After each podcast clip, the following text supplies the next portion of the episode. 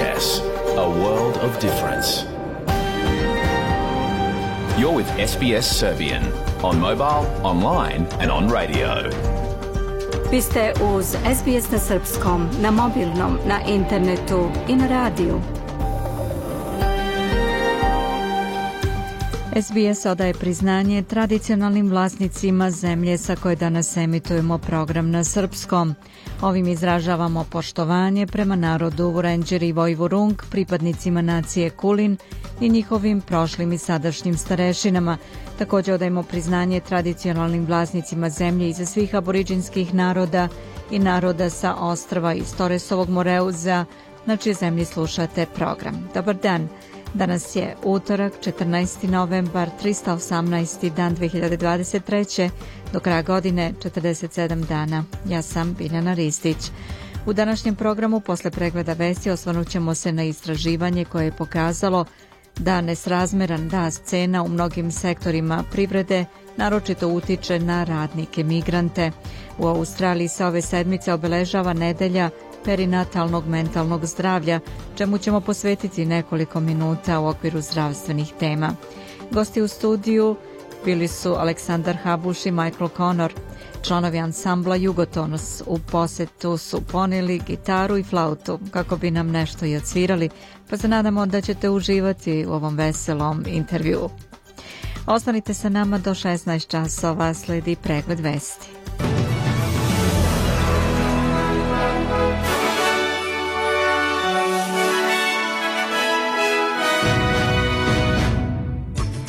mišljenja podeljena o tome da li je rat na Bliskom istoku Australiju učinio nesigurnijim mestom za život. Specijalna izvestiteljka Ujedinjenih nacija za ljudska prava palestinaca u nacionalnom pres klubu iznela žestoku kritiku na način kako je Australija odgovorila na nasilje izraelske vojske u Gazi. Ministri spoljnih poslova Evropske unije i Zapadnog Balkana razgovarali u Briselu o situaciji u regionu, proširenju Unije i saradnji u spoljnoj politici.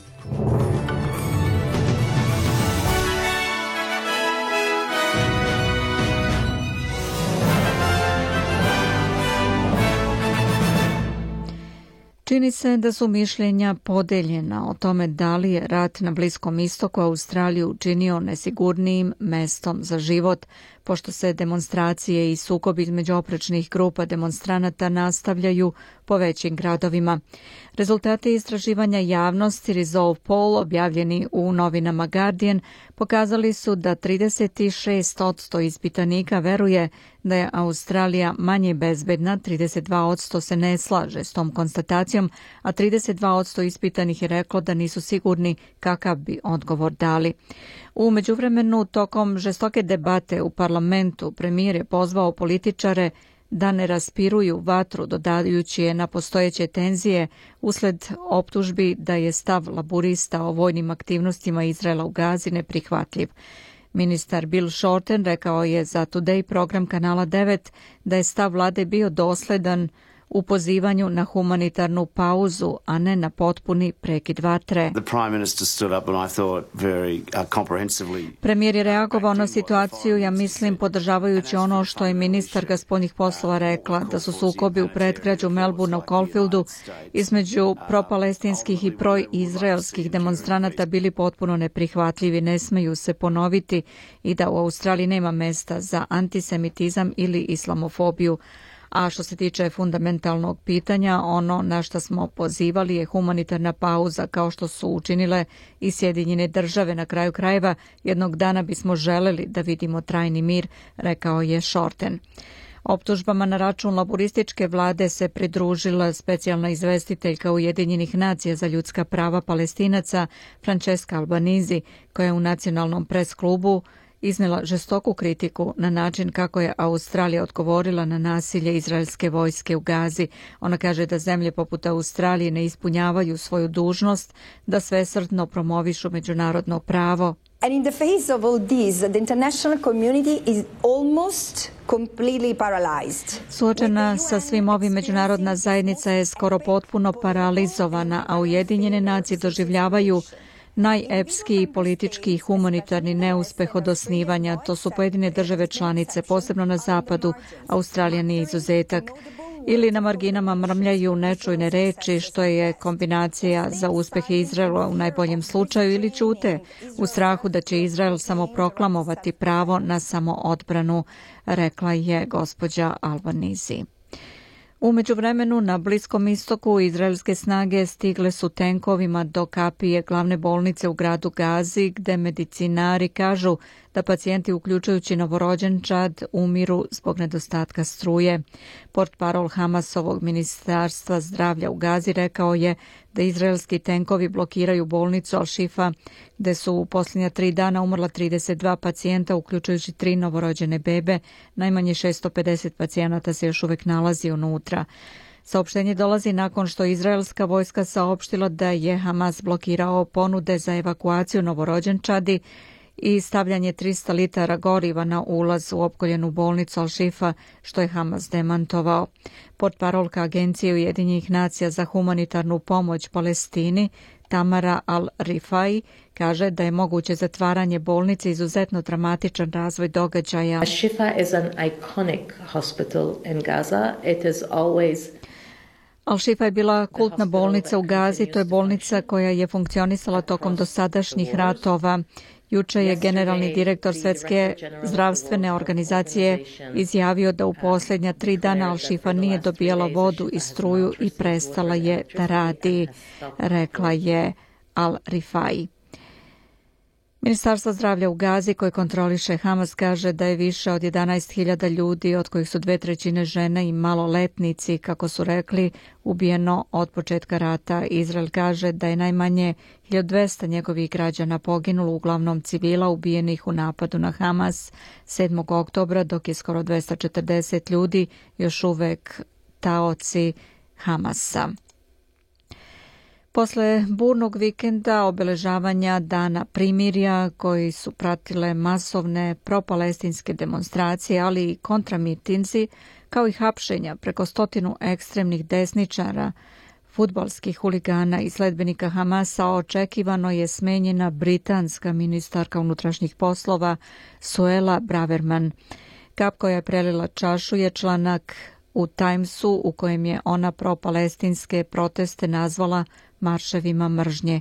U njenu fotelju iz Foreign Office-a seda James Cleverly, koji je izjavio da mu je prioritet zaustavljanje migrantskih brodova. Ta izjava tumači se kao potvrda glasina da će Sunakova vlada pooštriti zakon po hitnom postupku kako bi policija mogla da hapsi demonstrante koji pevaju pesme ili uzvikuju slogane koji se mogu podvesti pod govor mržnje. No najnovija rekonstrukcija vlade Rišija Sunaka donosi i jedno iznenađenje. U vladu se vratio bivši premijer David Cameron i na toj funkciji će naslediti Jamesa Cleverlija. Cameron je inače bio predsjednik britanske vlade od 2010. do 2016. Cameron je na društvenoj mreži X napisao da se u prošlosti možda nije slagao sa svim odlukama Sunaka, ali da ga smatra snažnim i sposobnim liderom. Ministri spoljnih poslova Evropske unije Zapadnog Balkana razgovarali su u Briselu o situaciji u regionu, proširenju Unije i saradnji u spoljnoj politici. Visoki predstavnik Evropske unije za spoljnu politiku i bezbednost Jose Borrell saopštio je da je cilj sastanka ministara spoljnih poslova Evropske unije i zemalja Zapadnog Balkana bio dalje intenziviranje angažmana Evropske unije u tom regionu. Sastanku su prisustvovali ministri Srbije, Albanije, Bosne i Hercegovine, Crne Gore, Severne Makedonije i prištinskih institucija. Na stolu tokom debate u kojoj je u ime Srbije učestvovala ministarka za integracije Tanja Miščević, nedavni izveštaj Evropske komisije o proširenju usklađeno sa evropskom spoljnom bezbednostnom politikom i priprema predstojećeg samita lidera Evropske unije i Zapadnog Balkana u decembru. Grupa od sedam zemalja članica Evropske unije pozvala je na unapređenje saradnje sa partnerima sa Zapadnog Balkana u oblastima zajedničke spoljne i bezbednosne politike, kao i na ubrzanje pristupnog procesa s tim zemljama. Navedeno je u dokumentu koji je Tanjuk imao uvid, a koji je podržala grupa pod nazivom Prijatelj Zapadnog Balkana. Hrvatska, Slovenija, Austrija, Češka republika, Grčka, Italija i Slovačka. Pre razgovora sa kolegama sa Balkana, šefovi evropske diplomatije su na sastanku Saveta za spoljne poslove Evropske unije raspravljali o dva konflikta u Ukrajini i Bliskom istoku. Pozvali su na hitnu humanitarnu pauzu i stvaranje humanitarnih koridora u Gazi, osudili Hamasovo korišćenje bolnica i civila kao ljudskih štitova od Izraela zatražili uzdržanost i zaštitu civila. Mnogi ministri podržavali su preporuku Evropske komisije o otvaranju pristupnih pregovora sa Ukrajinom i Moldavijom i najavili nastavak finansijske i vojne pomoći Ukrajini, o čemu će odluka biti doneta na samitu lidera u decembru. Visoki predstavnik Evropske unije za spoljnu politiku i bezbednost Borelj izjavio je da zvaničnici Evropske unije privode kraju rad na novom 12. paketu sankcija Rusiji, kao i da bi Evropska komisija u sredu mogla da odobri predloženi paket koji kasnije treba da odobri Savet Evropske unije koji čine 27 zemalja članica. Mađarska će blokirati isplatu sljedeće etape vojne pomoći Ukrajini u okviru Europskog mirovnog fonda, dok Kijev ne pruži garancije da Mađarska OTP banka ili druge mađarske kompanije neće biti na crnoj listi međunarodnih sponzora rata, rekao je ministar spoljnih poslova Mađarske Peter Sijarto. A Nemačka pomoć Ukrajini bit će masovno proširena sledeće godine, to je izjavila nemačka ministarka spoljnih poslova Annalena Berbok. Mediji su ranije preneli da vladajuća koalicija kancelara Šolca želi da poveća nemačku vojnu pomoć za 2024. na 8 milijardi evra. 15 časova 11 i po minuta i slušate pregled vesti na srpskom. Beogradska policija uhapsila je 48-godišnjeg čoveka koji je pretio vernicima u dvorištu džamije u gospodar Jevremovoj ulici u Beogradu. Muškarac je, kako saznaje Tanjog, tokom večernje molitve uleteo u dvorište džamije vižući kako se muslimane treba pobiti uz nedolične psovke i pretnje sekretaru džamije skalpelom. Čovek je uhapšen po nalogu Višeg javnog tužilaštva u Beogradu zbog krivičnog dela izazivanja rasne, nacionalne i verske mržnje i netrpeljivosti, javlja Tanjuk. Predsjednica vlade Srbije Ana Brnabić razgovarala je juče sa zamenicom podsekretara za spoljnu trgovinu Sjedinjenih država Diane Farrell je istakla da je ta zemlja jedan od najznačajnijih spoljnopolitičkih i privrednih partnera Srbije. Američke firme angažovane su i na nekim od kapitalnih projekata, rekla je Brnabić i dodala da je Srbija opredeljena za dalje unapređenje saradnje sa američkim partnerima kroz povećanje investicija, trgovinske razmene i različite programe razvojne podrške, kao i kroz dalje jačanje razmena na polju informacionih tehnologija i energetike, to je saopšteno iz vlade Srbije. Na sastanku je razgovarano i o saradnji u oblasti visokog obrazovanja između dve zemlje. Zamenica američkog podsekretara za međunarodnu saradnju Dajan Farel cenila je juče u Beogradu da su potencijali za saradnju sa Srbijom bezgranični istakla da je u Srbiju došla sa novim idejama kako da dve zemlje ojačaju trgovinsku saradnju. Ona je dodala da je u razgovorima bilo reči o brojnim oblastima u kojima postoji jak potencijal za saradnju i partnerstvo u oblasti trgovine i dodala da je važna saradnja i u oblasti nauke. Također rekla da su američke kompanije zainteresovane za međunarodnu specijalizovanu izložbu Expo koja će biti održana u Beogradu 2027. i da je jedan segment razgovora sa predsednicom vlade Srbijanom Brnabić bio posvećen upravo toj temi. Umeđu vremenu, ministar financija u vladi Srbije Siniša Mali izjavio je juče da će država Srbije završiti svu neophodnu papirologiju i preuzeti preostali udeo u Air er Srbiji od Etihad Airwaysa. Dodao da će država posvetiti punu pažnju daljem razvoju Air Srbije i naveo da sledi nabavka velikih aviona, otvaranje novih destinacija. Tačno je da nam je cilj da Air Srbija 2027. kada slavi 100 godina i kada organizujemo izložbu Expo ima 100 redovnih i čarter destinacija, izjavio je ministar financija Siniša Mali. Naveo je da uz Expo ide i dalja izgradnja autoputeva, brzih pruga, dalje unapređenje rada nacionalne aviokompanije. Predsednik Republike Srpske Milorad Dodik rekao je da ne namerava da se povuče iz politike kao i da sebe u budućnosti vidi kao prvog predsjednika samostalne Republike Srpske. Dodik je to rekao za TVKZ iz Prnjavora, odgovarajući na pitanje gde sebe vidi 2030. Pa bit ću u drugom mandat predsednik Republike. Vrlo dobro, čestite. Samostalne Republike čestite. Srpske. Evo, dodatak. Ne, ne, ne, doda, ne, nešto biti. Biću a, predsjednik, prvi, prvom mandatu predsednik Samostalne Republike Srpske. Dodik je pritom pozvao građane da se čvrsto drže njega i njegove politike. 15 časova 15 minuta 20 sekundi je tačno na našem časovniku. Ostanite sa nama, slušajte pregled vesti na srpskom. Federalna opozicija pozvala je na veću transparentnost vlade Australije nakon puštanja desetina migranata iz pritvora na neodređeno vreme. Ministar za imigraciju Andrew Giles saopštio je da je 80 migranata već pušteno iz imigracionog pritvora nakon što je odluka Vrhovnog suda od 8. novembra utvrdila da je pritvor na neodređeno nezakonit. Poništenje dve decenije stare odluke doneto je u slučaju Rohinja čoveka iz Mjanmara koji je bio suočen sa doživotnim pritvorom jer ni jedna zemlja nije želela da ga prihvati, a zbog krivične presude za seksualno zlostavljanje dece. Državni tužilac Mark Dreyfus rekao je da će vlada delovati u skladu sa nalozima suda, ali takođe razmatra svoj odgovor na odluku, uključujući moguće zakone usled zabrinutosti za bezbednost zajednice. Portparol opozicije za imigraciju Dentean rekao je za Kanal 7 da je vlada već trebalo da donese zakon da spreči puštanje migranata koji mogu predstavljati rizik za zajednicu. They knew this high court decision was coming. They should have had legislation Znali su da se može desiti da sud ovako odluči, trebali su već ove nedelje da unesu zakon u parlament da se pozabave time. Moramo da čujemo od državnog tužioca, od ministra za imigraciju o tome šta rade i što je najvažnije kada ćemo imati zakon koji će rešiti ovo pitanje, rekao je on.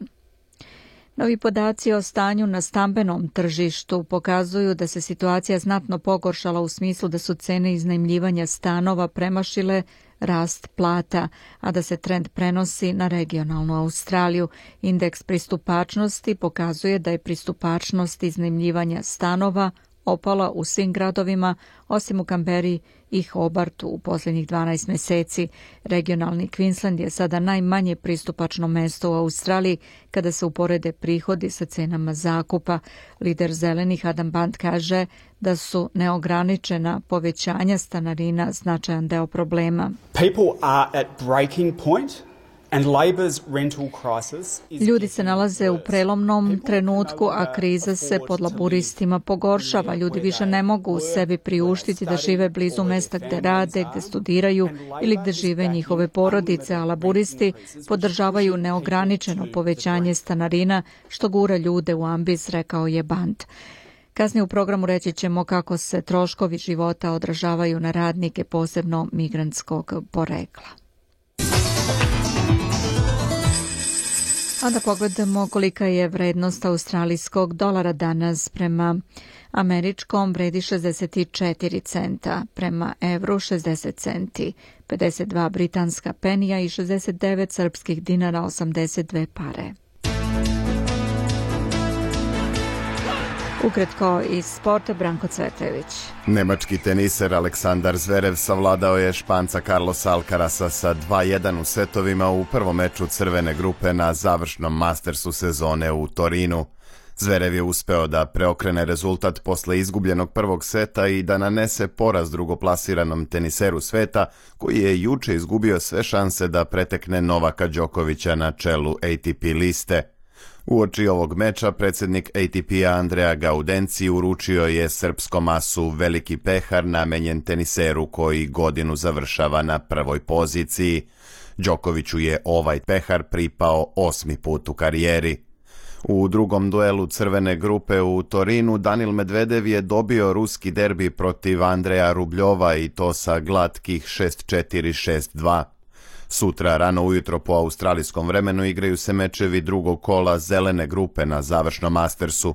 Najpre se sastaju Stefanos Cicipas i Holger Rune, a zatim igraju pobednici mečeva iz prve runde Novak Đoković i Janik Siner a futbalski klub Perth Glory za sada ipak neće promeniti vlasnike iako je realizacija kupoprodajnog sporazuma najavljivana za prvu polovinu novembra. Naime, aktuelni vlasnik kompanija Kodramenta saopštila je da raskida ugovor s poslovnom grupom Primeland iz Melburna koju vode predsednik Robert Bree i njegov poslovni partner John Nekić. Načelni sporazum između dve kompanije objavljen je još 17. oktobra, ali do njegovog ozvaničenja neće doći, pošto kupci iz Melburna nisu ispunili određene uslove, kako je objavilo rukovodstvo Kodramente. Iz ove konsultantsko-investicione firme su saopštili da nastavljaju potragu za novim kupcima Pert Gloria. Klub iz Zapadne Australije, koji odnedavno trenira stručnjak srpskog porekla Alen Stajčić, nalazi se na osmom mestu u A ligi posle prva četiri kola.